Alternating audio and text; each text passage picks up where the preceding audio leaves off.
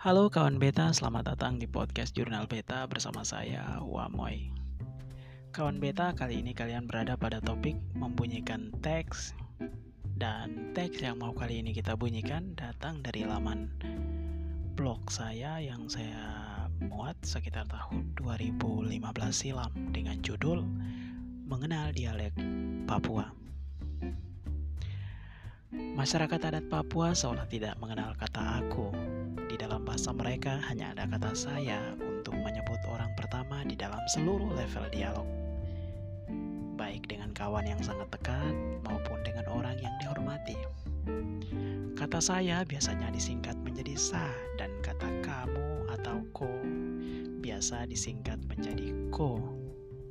Selain itu, dialek masyarakat adat Papua menggunakan pola terbalik, misalnya mengucapkan matanya cantik menjadi dia mata itu cantik.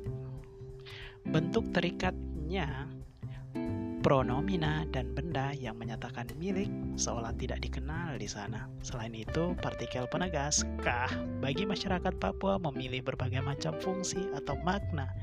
Di antaranya berfungsi seperti kata dong kata yang dipakai di belakang kata atau kalimat untuk pemanis. Contohnya, bagi makanannya dong, menjadi bagi makanannya kak. Biasanya kalimat seperti itu diucapkan dengan intonasi yang sangat lembut.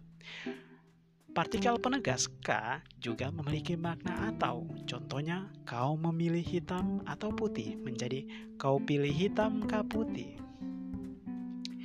Ciri khas lain ialah ketika menggunakan kata kerja, mereka tidak menambahkan awalan me untuk membentuk kata kerja, tapi mengucapkan kata sasarannya. Misalnya, memilih diucapkan pilih. Kau pilih dia kah? Sa.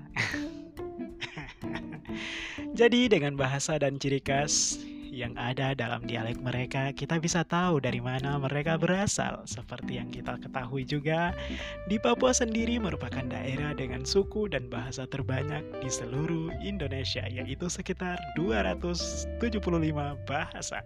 Maka kita bisa berkesimpulan kalau di Papua ada bahasa suku dan bahasa budaya. Thank you for listening. See you next time again.